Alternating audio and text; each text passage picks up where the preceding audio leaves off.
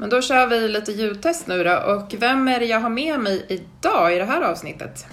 Ja, jag heter Adam Korpskog och eh, är en av dina före detta elever skulle man kunna sammanfatta det som. Ja. Också konsthistoriker. Precis, alltså det här med att du är en av mina före detta elever, nu börjar det kännas som att det börjar bli ett mönster här i, i Waldorfpodden, för du är inte den första, men jag tycker det är så oerhört spännande att höra vad ni gör nu för tiden, sådär många år senare.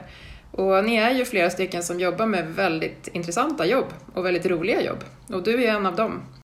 Så det var orsaken till att jag bad dig att vara med i det här avsnittet utav Waldorfpodden. Det var ju hedrande. Absolut. Nu kör vi!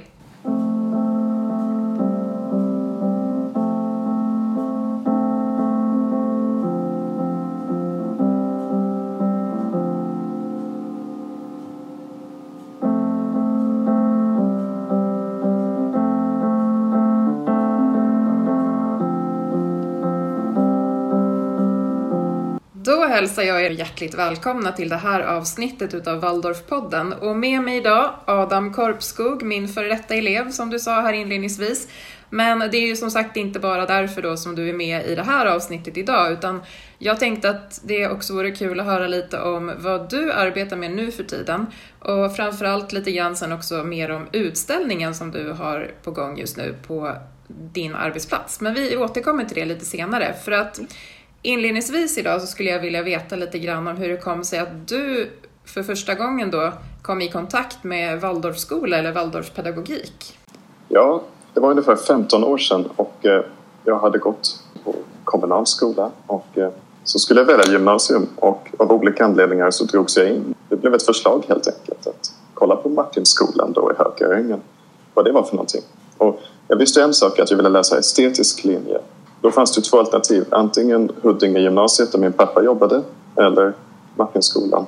Då blev det antroposofin helt enkelt. Och det var ganska chockerande för jag, jag minns att jag kom dit till en skolgård i Hökarängen och så var det fullt med dansande människor. Folk var utklädda i klänningar och barn kom fram till mig med blommor. Så kom jag hem och så frågade min mamma har jag gått med i en sekt nu? Och så sa hon ja. Det var ungefär så man kan sammanfatta det första intrycket. Och de där dansande människorna i klänningar, kan det kanske ha varit eurytmi eller? Ja, i efterhand har jag förstått det så. Men Ja. då visste jag inte vad det var. Nej men precis. Och det är ju lite intressant för att många av de som har varit med i podden har ju gått kanske de nio första åren i Waldorfskola och sen lämnat och valt att, att gå på ett annat gymnasium eller så. Men i ditt fall är det ju precis tvärtom. Så då tänker jag att du kanske hade också med dig andra saker i bagaget innan du kom då till Martinskolan som gjorde just att du kände det här att ja, men det är lite sektartat på något sätt så. Ja, alltså jag visste nog inte vad en sekt var ens, så att säga. Det jag tyckte var väl att det var väldigt annorlunda, framför allt. Annorlunda från det jag var van vid. Och jag reagerade ganska snabbt på under skolans gång att jag tyckte att alla var väldigt eh, snälla egentligen och vänliga, vilket jag inte var särskilt van vid. Så det, det är en sån sak som var väldigt avvikande. Jag hade liksom gått där i kommunala skolan länge och kände som att det var mycket mer konkurrensinriktat. Det finns säkert också på Waldorfskolor men jag upplevde det som någonting väldigt annorlunda. Så då gick jag tre år på gymnasiet. Estetisk linje. Jag fick lära mig otroligt mycket som jag tror att jag annars inte hade fått lära mig. Kommer du ihåg några av de sakerna du fick liksom lära dig när du gick på gymnasiet då? Ja, men det var så bokbinderi, stenhuggeri, sådana saker som jag har svårt att se att man ägnar sig åt på andra estetiska programmet och Det är mer riktat mot eh, teknik, design kanske, data mycket sådär. Det, det är klart viktigt idag då när man måste vara en del av den digitala offentligheten. Så den här podden är också ett bevis på såklart. Absolut. Ja, inte hade vi gjort en podd för 15 år sedan, inte hade vi inte gjort. Men, men nu, nu är läget ett annat kan man väl lugnt säga. Och det är också väldigt roligt för att det är ju ett ypperligt tillfälle att och, som sagt återuppta kontakten med före detta elever också då. Har du någon kontakt fortfarande med någon av dem som du gick med i samma klass som där på skolan då? Inte för närvarande. Jag hade det ett tag efter att jag gick ut där och så men sen har alla hoppat vidare i livet på olika sätt så just nu har jag inte det men om jag träffar någon så är det klart att jag talar med dem. Men jag tänker att du har ju kontakt med några av oss lärare i alla fall. Ja, det är typiskt mig då att vara lite sådär brådemogen, lillgammal och väldigt avvikande. Eller också kan man se det på något annat sätt, som att du har ju ändå valt att liksom arbeta med saker där vi på något vis har kunnat behålla den kontakten kan man ju säga också. Så kan det också vara. Absolut. Också vara. Ja. Men, men generellt upplevde jag att det var väldigt annorlunda och nytt och berikande att gå på antroposofisk skola som jag inte visste så mycket om. Jag tycker väl att de kommunala skolorna verkar väldigt dysfunktionella så jag tror inte att behovet har minskat. När du säger att du tycker att de verkar dysfunktionella, hur, hur tänker du då? Mer och mer att man liksom likriktade studieplaner bland annat och sånt. Att man liksom alla ska stöpas i den där formen. Det speciella med Waldorfpedagogiken är ju då att man öppnar upp väldigt mycket för den enskildes perspektiv och den enskildes riktlinjer i, i, i livet. Och det är inte för alla såklart men, men, eh, men jag tror att det måste finnas ett utrymme för det. Upplever du att du har liksom fått eh, någonting mer ifrån de där tre åren just vad det gäller det? Det här att liksom utveckla det enskilda? Skrivande, läsande och sånt. Ja. På, på gymnasiet så var det, alltså vi fick läsa en massa Solar, Flaubert, Balzac som jag i efterhand har förstått inte är helt naturligt. Nej, det kanske, det inte, det kanske det inte är alla gånger faktiskt, men det beror ju också på vilka man hade som lärare lite grann. Ja, ja. Sådär. Det, det, det är väldigt speciellt på Waldorfskolan att det är läraren som alltid är liksom, någon sorts... Det, det kan vara lite problematiskt också såklart inte matchar. Och precis, och jag tänker att nu gick ju du för så pass många år sedan så att nu är ju läget lite annorlunda. Idag måste vi ju följa den kursplanen som, som ordinarie skolor följer också, alltså Lgr 11 och J 11 och sådär. Så att det, på sätt och vis är ju det bra eftersom då blir det just det här som du säger att då måste man liksom ändå hålla sig till, till samma gemensamma kunskapsmål och sådär. Men det är också väldigt synd om man tappar bort det Waldorfpedagogiska i det hela så att det är bra att ha kvar en väg till frihet då som den kursplanen heter som ni fick följa också då i botten någonstans så, där, så att man kan kombinera både och. Och det var väl det som gjorde att det var ganska fritt tror jag på er tid där, att det kändes fritt för att det just var den där andra kursplanen som var i fokus då? Ja, jag tror det. Det var nog på gott och ont såklart men, men, eh, men för min del har det funkat väldigt bra. Men det är just för att jag också riktat in mig på estetiska och humanistiska ämnen i efterhand såklart. Det var en förutsättning för det. Precis, du, ni var ju ganska konstnärliga minns jag det som i er klass. Ni gjorde ju mycket estetiska saker, just det här med alltså mycket bild och ni höll på med film. Det var så vi kom i kontakt med varandra för att jag var filmlärare på skolan så där, och undervisade ja. i filmvetenskap och så. Men jag tänker att ni var ju väldigt konstnärliga och till saken hör jag att, att trots detta konstnärskap så, så är det ju inte så många av er som har fortsatt att just jobba med det konstnärliga utan ni har ju snarare kanske valt saker som liksom tangerar det konstnärliga. Så där. Hur var det i ditt fall? Jag har börjat läsa en massa litteraturhistoria, kulturhistoriska träsk på olika sätt. Det har blivit min ingång då, en mer teoretisk läggning. Så det finns ju där hela tiden att jag alltid varit intresserad av det estetiska men, men på något vis har det inte blivit i praktiken. Jag skriver väldigt mycket och det är också en konstform såklart även om det skrivna ordet skiljer sig från till exempel skulptur eller... Men efter studenten, gick du direkt till universitetet då och började läsa eller vad gjorde du? Mm, jo, jag hoppade in på universitetet. Sen har jag gottats med där ett tag kan man säga. Och framförallt har det hållit på med konsthistoria, äldre konsthistoria, framförallt den typen av konst som fanns för 120 år sedan vid sekelskiftet i de skandinaviska länderna. Så att det är inte så modernt. Det är ju så att, att många läser ju som sagt då på universitetet och så efteråt, eller kanske går någon konstnärlig utbildning och så, men du har inte funderat någonting på, på den här konstnärliga kreativiteten Nej, alltså, själv så? Nej, alltså jag, jag, har, jag tror inte riktigt på de där utbildningarna personligen. Alltså till exempel, nu har jag gjort en utställning här på Matilska galleriet men jag har aldrig gått något program för att vara kurator eller utställningskommissarie som man sa förr i tiden. Och jag skriver mycket men jag har aldrig gått någon författarskola eller någonting. Så att det, men ja, det där är väldigt olika såklart. En del kan nog tjäna mycket på en konstskola, andra kanske tycker att det är bortkastad tid. Så att, eh, det där är nog väldigt eh, individuellt också då såklart. En sak som jag har gjort också på, på universitetet är att jag har verkligen kunnat förkovra mig i, i det här med antroposofin, vad det är för någonting. Vilket inte alltid var helt klart när jag gick på skolan.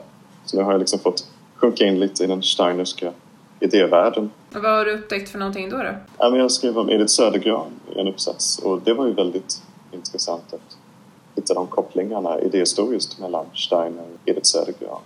Eh, sen finns ju andra exempel också. Hilma af Klint är ett populärt exempel numera då på hur de här eh, idéerna som Steiner hade verkligen omfamnades av eh, poeter och konstnärer i början av 1900-talet som hoppade av den teosofiska rörelsen och antroposofer Upplevde du att det var ganska mycket okulta saker i det också? Så? Ja, det är någonting esoteriskt över det hela såklart. Och eh, det har blivit mer, mer populärt nu i vår tid känns det som. Framförallt då med Hilma af Klint som har blivit en sorts kommersiell succé i stor del av världen. Det finns på t-shirts och kaffemuggar. kanske inte var hennes syfte egentligen då. Nej, jag tänkte ju säga det, man undrar vad hon skulle ha tyckt om det sådär. Men, men det är ju ändå väldigt, väldigt häftigt att vi har fått ta del av hennes konst så här lång tid senare. För att det dröjde ju ett tag innan den upptäcktes och så också. Det är inte så många som vet om just det här att de här konstnärerna och poeterna och ja, författarna överlag, så att de faktiskt var eller hade antroposofiska tankar. Så att ofta när antroposoferna får kritik, för det, det får man ju av humanister bland annat, så brukar jag le lite sådär och tänka att ja, undrar om de har koll på hur det var där för ungefär hundra år sedan. Men det, det kanske de hade, jag vet inte riktigt. Ja, konsten är aldrig 100% rationell, så att säga. Det är det som är poängen, att, att det handlar om sagor och berättelser mycket. Och där finns det alltid en irrationell sida, men det finns en berättande sida som eh, så fiktion, så att säga. Och det är myter och sånt. Och det, där är verkligen Steiner intressant som exempel. Ser i efterhand i alla fall. Det, antroposofin är en ganska ung rörelse egentligen. Och samtidigt är det ju också mycket som är väldigt likt sedan hundra år tillbaka. Ja, precis. Jag vet inte exakt hur, hur det har förändrats sådär. Jag har mer kollat på just hur, hur de här konstnärerna då har, vilka aspekter de har fascinerats av. Det kan nog finnas en, en linje där också. Och det där kan man ju verkligen fördjupa sig i och det är väldigt intressant då att du har gjort det tycker jag ändå. Alltså, att... alltså mer som en personlig sak för mig då, eftersom jag gick på en antroposofiskt gymnasium så uh, har jag liksom alltid fallit tillbaka där lite och funderat på vad, vad var det för någonting. Mm. Eh, så att säga, vad var det här morgonspråket som jag fortfarande har i huvudet. Hur kändes det förresten då, om vi ska gå tillbaka till morgonspråket? För det är ju många som brukar reagera på det och tycka att det är väldigt annorlunda. Ja, det är en ritual, men eh, i efterhand så kan jag se någonting vackert i det där. Kan jag förstå att folk tycker att det är som ett mantra. Sådär. Mm. Och framförallt kanske om man har gått på en skola då hela sitt liv. Jag hoppade in väldigt sent så lite udda men, men inte helt förskräckligt kanske. Men, men det är klart att om, om, man, om man har gått då i en skola hela sitt liv och gjort det hela sitt liv då kan jag förstå att det framstår lite mer något som man är påtvingad eller så. Jag måste ju bara ställa frågan också då eftersom du faktiskt berättade att första dagen när du var där på Martinskolan så träffade du på en massa människor i klänningar och sådär som sprang runt och då tänker jag att du fick ju själv också sen ha eurytmi i skolan under tre års tid. Hur tyckte du att det var? Det var ju inget ämne som jag var högpresterande i om man säger så. Men eh, jag kan väl säga att, att framförallt det som var fascinerande var kombinationen av rörelse och musik på något vis. Att man kombinerade de här sakerna med Chopin och Sibelius till eh, rytmiska rörelser och egentligen dunkla innebörder i bokstäver och betoningar av dem. Så det där är någonting man skulle dyka ner lite mer i nu, en välkommen paus mellan mattelektionerna. Ja, det är väl det som är mest särskiljande nästan för en utomstående skulle jag tro. Och jag förstår att man reagerar på det om man som sagt, som du kommer efter årskurs nio och ska liksom köra igång på gymnasiet och så förväntas man att delta på ämnen som man kanske inte har en aning om vad de innebär. Men då tänkte jag att jag skulle komma in lite på vad du gör för någonting nu, eller rättare sagt vad gjorde du när du hade pluggat klart på universitetet ska vi väl kanske säga också sådär. Jag sökte mig till en av de platserna som väl har betytt mest för mig, konstmuseet Ilska galleriet som ligger ute på Djurgården i Stockholm. Konstsamling som väldigt mycket består av konst från sekelskiftet 1900. Och eh, jag tog mig in där på en praktikplats och så har jag på olika sätt dröjt mig kvar där genom åren. Och nu senast har jag då fått möjlighet att skapa en utställning om en konstnär som heter Axel Törneman som jag har ägnat mig åt nu i så 8-9 år ungefär eh, fram och tillbaka. Och eh, det är en utställning som är den största över honom som har ägt rum på nästan 50 år. Han var då en sorts ganska fantastisk modernist som var verksam i början av 1900-talet. Han blev inte så gammal men han var en av de första som reste till eh, Paris efter ett långt avbrott och eh, tog hem olika impulser från konstnärer som Paul Gauguin och Toulouse-Lautrec till Sverige. Sen blev han mer eller mindre bortglömd. Så det är en utställning jag jobbat med länge och eh, har fått väldigt bra kritik nu också vilket är mycket glädjande och överraskande. Men det kanske beror på Corona. Att, mm. Axel får väldigt mycket uppmärksamhet för att de stora museerna har haft stängt. Så Törneman är väl det som jag har fokuserat på i alla fall. Sen har jag gjort, skrivit mycket annat också, olika artiklar och sånt om, om andra konstnärer och poeter. Men eh, det, det, är en viss tid som jag är fast i och det är ungefär 120 år sedan. Så det passar också bra med Steiner. Ja, ja men precis. Du har blivit kvar i just den tidsperioden kanske, där Ja, 1900 till 1920 ungefär kanske då. Precis, det är Steiners fel. Ja, ja, nej, vi får hoppas att det inte var hans fel. Det kanske är hans förtjänst. Sådär. Kanske det. Ja, jag tänker bara att sådär, när jag tänker på Axel Törnman så tänker jag ju på Stadshuset här i Stockholm. Mm. Ehm, där det ju faktiskt finns en målning av Törneman och det är väl enda gången som jag har kommit i kontakt med honom dessförinnan också. Jag hade ju inte en aning om vem han var som konstnär men i och med att jag är auktoriserad Stockholmsguide så fick man ju lära sig just om, om det rummet som Törneman har målat i där då på, på Stadshuset. Det blå rummet, ja. Precis. Lite i skymundan från den gyllene salen där Einar Forset har gjort sin gigantiska mosaik Mälardrottningen. Törneman gjorde sin egen Mälardrottning i blå rummet då som jag tycker om mer egentligen då. Stor fresk som kombinerar, det är en hyllning till Stockholm då på olika sätt. Väldigt Bellmansk egentligen. Skildrar mycket arbetare och havsnymfer och grekiska gudar. Det är som en stor medelhavsfantasi som Törneman har blandat in i sin, i sin nutid sådär. Jag brukar skoja lite med turisterna när vi går förbi ja. där och säga att så där såg det ut när de byggde stadshuset. Eh, och då, då, brukar jag få ganska så konfunderade blickar. Att vadå, sprang folk runt nakna här och bar på grejer? Så där? Ja, absolut. Så att, ja. Men den är ju väldigt, väldigt speciell. Men den är också som du säger en tydlig avbild av, eller en blandning av liksom saga och, och, och verklighet känner jag. sådär. Att det är liksom att det går att se både och i den på något sätt. Så. Man liksom förflyttar den här klassiska antiken upp till Norden på något vis. Och eh, gör om det till en nutida gudasaga på ett väldigt mytologiskt sätt. Och det var det sista han gjorde nästan innan han dog då, i, ganska för tidigt då. Han var 45 år så dog han av blödande magsår. Så att det är också tragiskt. Ja men verkligen. Och jag tänker att under många år så var det också så att när de hade Nobelfesterna så intervjuade man ju Nobelpristagarna just framför det lilla blå rummet där, där har sin målning så, eller hela den väggen där så. Och sen så slutade man med det plötsligt. Men jag tyckte det var väldigt synd att man slutade att ha intervjuerna framför Törnemans rum där, för det var ju, och det är väldigt speciellt. Det där säger lite också för att när, när Stadshuset var klart då, då älskade man ju Törnemans fresk fast man föraktade Einar Forset och tyckte att det där var en stor medusa och satt där med alla Stockholms stads byggnader i sitt sköte på något vis. Eh, så här österländsk, bysantinsk. Och Törneman var mer nordisk och ren. Nu är det tvärtom då kanske, att Einar Forsets guldmosaiker anses vara liksom det fina och Törneman är lite så här föråldrad. Så just därför är det väl väldigt, väldigt bra att du valde att fokusera på det i en hel utställning då. Hur länge till håller utställningen på på Tilska? 6 juni, så den är ungefär halvvägs igenom. Rekommenderar ett besök under trygga former, gott om tid kvar så att om någon vill gå dit i maj. Är det någon dag i veckan som det är mindre folk tycker du? Jag skulle säga alla vardagar eftermiddagar. Gå dit efter klockan två så kommer ni få museet för er själva. Och det vet jag för jag jobbade som museivärd också så jag kommer kontrollera att det inte är mycket folk. Ni får inte släppa in hur många som helst. Jag vet faktiskt när ni hade er utställning om de här kläderna. Augusta Lundin. Tack, Augusta Lundin. Förra året var det som ni hade den. Och då var jag där med en kompis en torsdag eftermiddag klockan tre. Det var bara hon och jag på hela våningsplanet så det kändes väldigt tryggt faktiskt. Så det kan jag rekommendera som du säger att man går dit en eftermiddag. Sådär. Du har ju varit på Tilska med dina elever. Absolut. Det var ju så här för några år sedan att jag tog kontakt med dig för att eh, vi skulle ha en ja, lite ovanlig praktikperiod kan man säga på skolan just då för att vi kunde inte vara ute på praktik för att det var oklart vilka regler som gällde under ett läsår. Och då valde vi istället att göra flera studiebesök och ett av de studiebesöken som jag ganska snabbt bokade in det var just dig där på Tilska galleriet och då gick jag dit med mina dåvarande åttor och så fick de just en en visning av dig, av museet. Och de fick också ställa frågor hur det var att jobba som museivärd och hur det var att jobba med att liksom just göra de här olika typerna av guidningar och sådär. Så att det var ju väldigt, väldigt tacksamt att vi kunde göra det. Är det någonting som du har gjort flera gånger sedan eller var det bara just den gången? Jag har guidat skolklasser en hel del.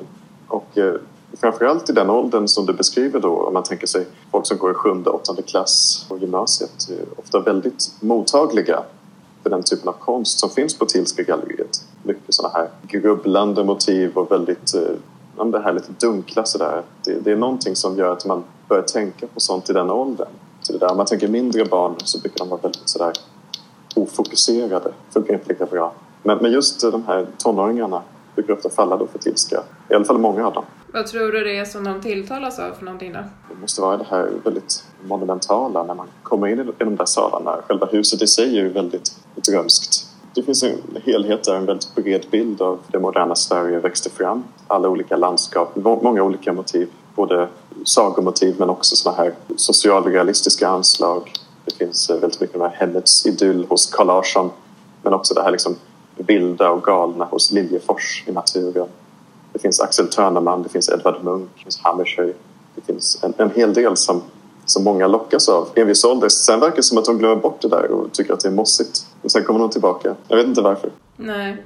Vad skulle ni säga, eller vad skulle du säga annars är liksom den, ja, den typiska besökaren för Thielska galleriet? Den typiska besökaren är en person som väldigt ofta går på museer och eh, kanske framförallt har fallit för Thielska galleriet. Men det är en ganska stor variation egentligen.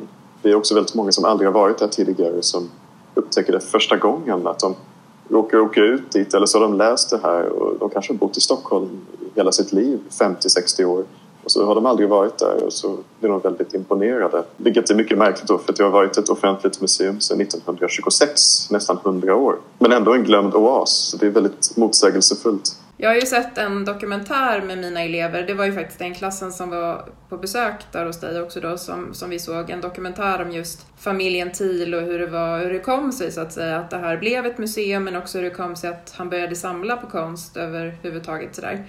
Eh, vill du berätta lite om det? För det är ju väldigt intressant att, att ta del av. Ja, alltså Thiel han var ju bankdirektör, en av Sveriges mest förmögna män i början av 1900-talet. Han hade gjort skandal i societeten där han befann sig för att han hade separerat från sin hustru och gift om sig med en ny kvinna som var barnflicka i familjen, hette Signe Maria. Och hon var omgiven av konstnärer och författare på den tiden, både Werner von Heidenstam men också Carl Larsson publik som mycket med. Och hon förde in till de här kretsarna och han blev mer och mer intresserad av konstsamlande. Och då uppför han det här huset tillsammans med sin hustru till Tyska galleriet. Så det var en privatbostad där han visade sin konstsamling. Och de bodde där i ungefär 20 år. Eh, de köpte jättemånga tavlor. Det är en gigantisk samling. Och ofta direkt av konstnärerna själva. Så han lärde ofta känna konstnärer då som till exempel Eugen Jansson, han som kallas för blåmålaren och försökte på olika sätt att hitta gemensamma punkter. Och sen stödde han dem oreserverat, skulle man kunna säga, oförbehållet. Alltså han, han gav dem otroligt mycket pengar, de här konstnärerna, utan krav på motprestation i flera fall. Att, eh, till exempel författaren Hjalmar Söderberg som tillstödde ekonomiskt också, han hade skulder till till på en halv miljon kronor som aldrig betalades tillbaka. Underförstått att Hjalmar Söderberg skulle bara skriva sina böcker och Till skulle ge honom pengar.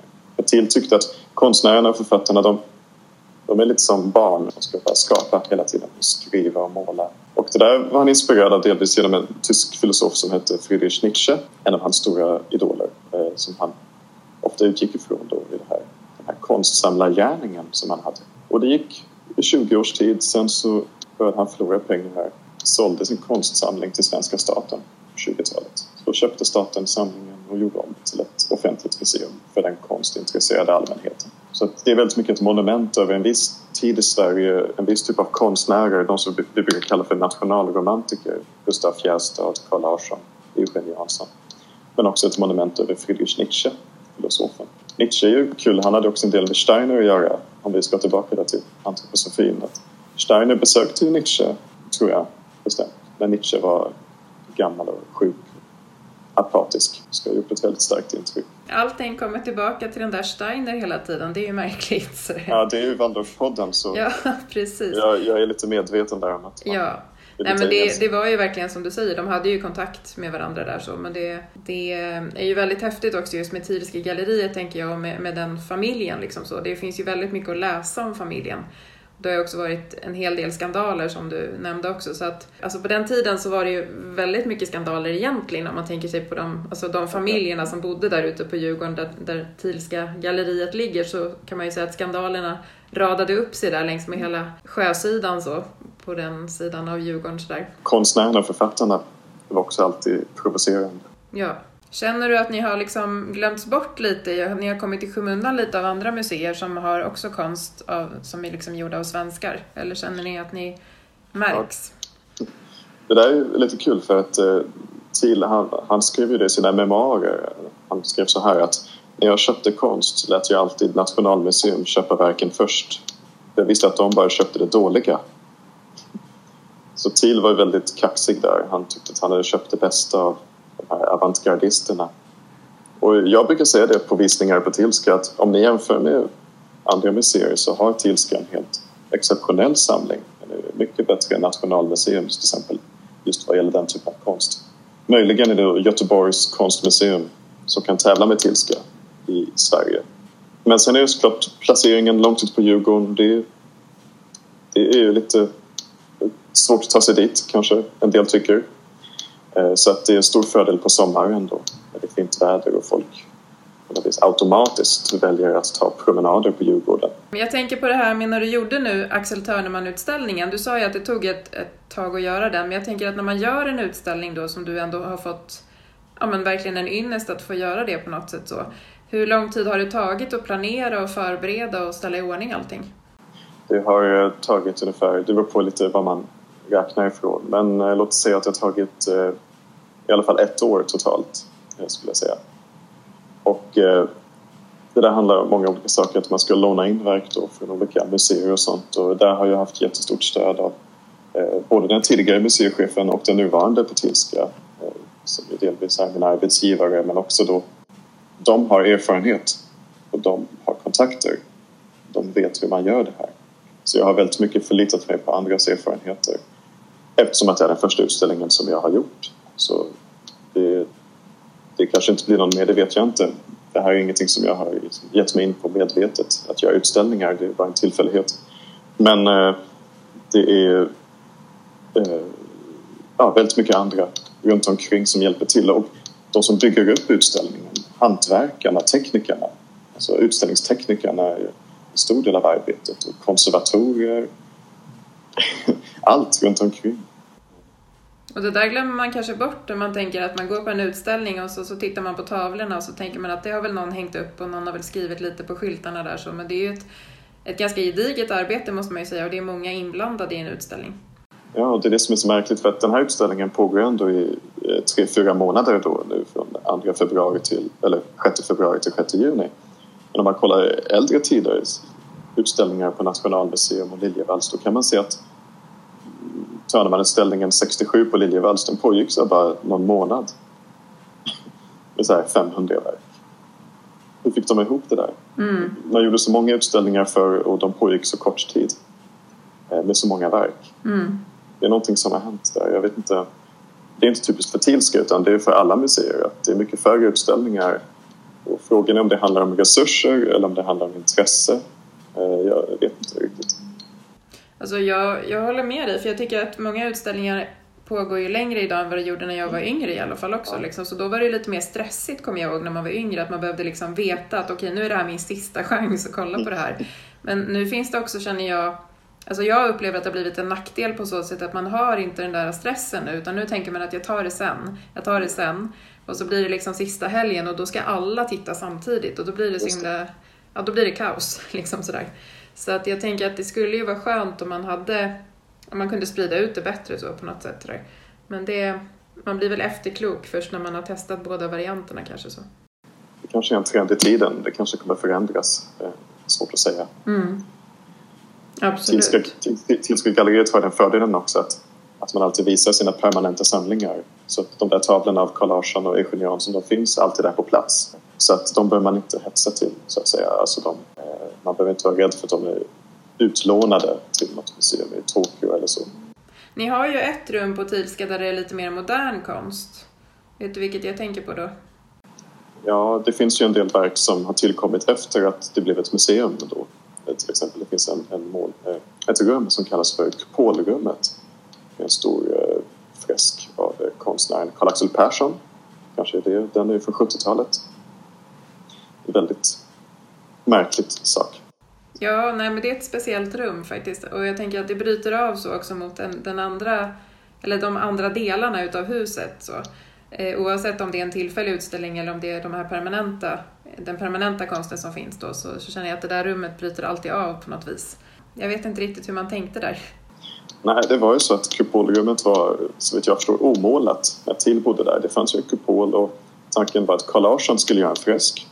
Carl Larsson hade dåligt självförtroende. Han hade väl blivit avvisad då med sina andra fresker i Nationalmuseum och allt vad det var. Midvinterblot och sånt provocerade. Och då så sa Carl Larsson så här till Till. Gå till Törneman. Han kommer göra det bättre än jag. Han är yngre. Men eh, av någon anledning så blev aldrig det av så att då lät till det vara omålat. Och så var det väl så fram till 70-talet när Tilska galleriets museichef på den tiden, Ulf Linde, eh, kontaktade flera av sina konstnärsvänner, eh, bland annat Karl-Axel Persson som gjorde den där fresken Transfigurata. En sak som jag tyckt har varit ganska ja, trevlig får man väl säga då, trots eh, coronapandemin under det senaste året, det är ju att många av museerna, däribland ni då på Tilska, att ni museer har satsat på just det här digitala. Så att man på något sätt ändå har fått lite guidning och man har kunnat förkovra sig lite i konsten och sådär. Och såklart, lite partisk som jag är, så har jag ju följt de filmerna som du har gjort för Tilska då också. Och det har ju varit väldigt, väldigt fint att ta del av, av de här guidningarna. De har inte varit särskilt långa, men, men de, ja, vad har ni kört? 5-10 minuter någonting sånt eller? Ja, nästan ännu mindre. Så det har nog varit sådär två minuter. Eh, för att man vill hitta det här eh, uppmärksamheten faller bort efter ett tag, verkar det som. Man kan liksom inte ha långa föreläsningar eh, på det sättet digitalt, verkar det som. Utan det är just det här att man vill ha korta, effektiva klipp och så vill man ha mycket information och eh, gärna något lockande. Så Ja, nej, men det är någonting som alla museer har börjat arbeta med under, eh, nästan alla museer i alla fall, tror jag, under pandemin. Och eh, det handlar väl om att många eh, ska inte, eller vill inte besöka museer nu, vilket är fullt förståeligt. Och då kan man lätt sitta hemma och kolla på klipp istället om man har möjlighet att eh, använda digitala eh, sociala medier. Eh, så att det är egentligen en fråga om att tillgängliggöra innehållet för en stor publik. Det är svårt att säga om det har en framtid sådär, det, det kanske det har. Jag tycker att det roligaste när man guidar är att man träffar människor ansikte mot ansikte och får diskutera med dem bland annat och liksom se vad de tycker om konsten. Så att det är lite av ett hinder också men pandemin gör det nödvändigt. Du gjorde ju en om, om Bruno Liljefors som jag guidar om också när jag jobbar som guide ute på på Bullerö i Stockholms skärgård. Så att det var ju väldigt intressant att få lite återkoppling där. Men sen har jag en annan kompis som jobbar på Moderna och gör deras barnguidningar och sen en annan kompis då som jobbar på Asiatiska museet. Så att det har varit kul att följa er tre och liksom se vad händer nu då på museet. Sådär.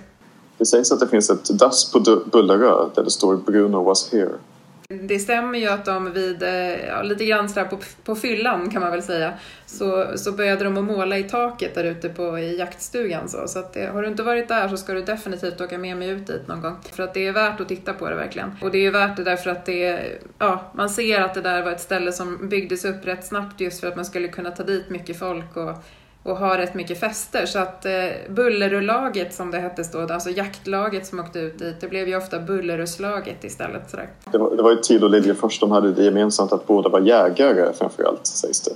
Att Absolut. De fann varandra. Definitivt. Jag tror att Thiel var väl också ute på Bullerö och hälsade på.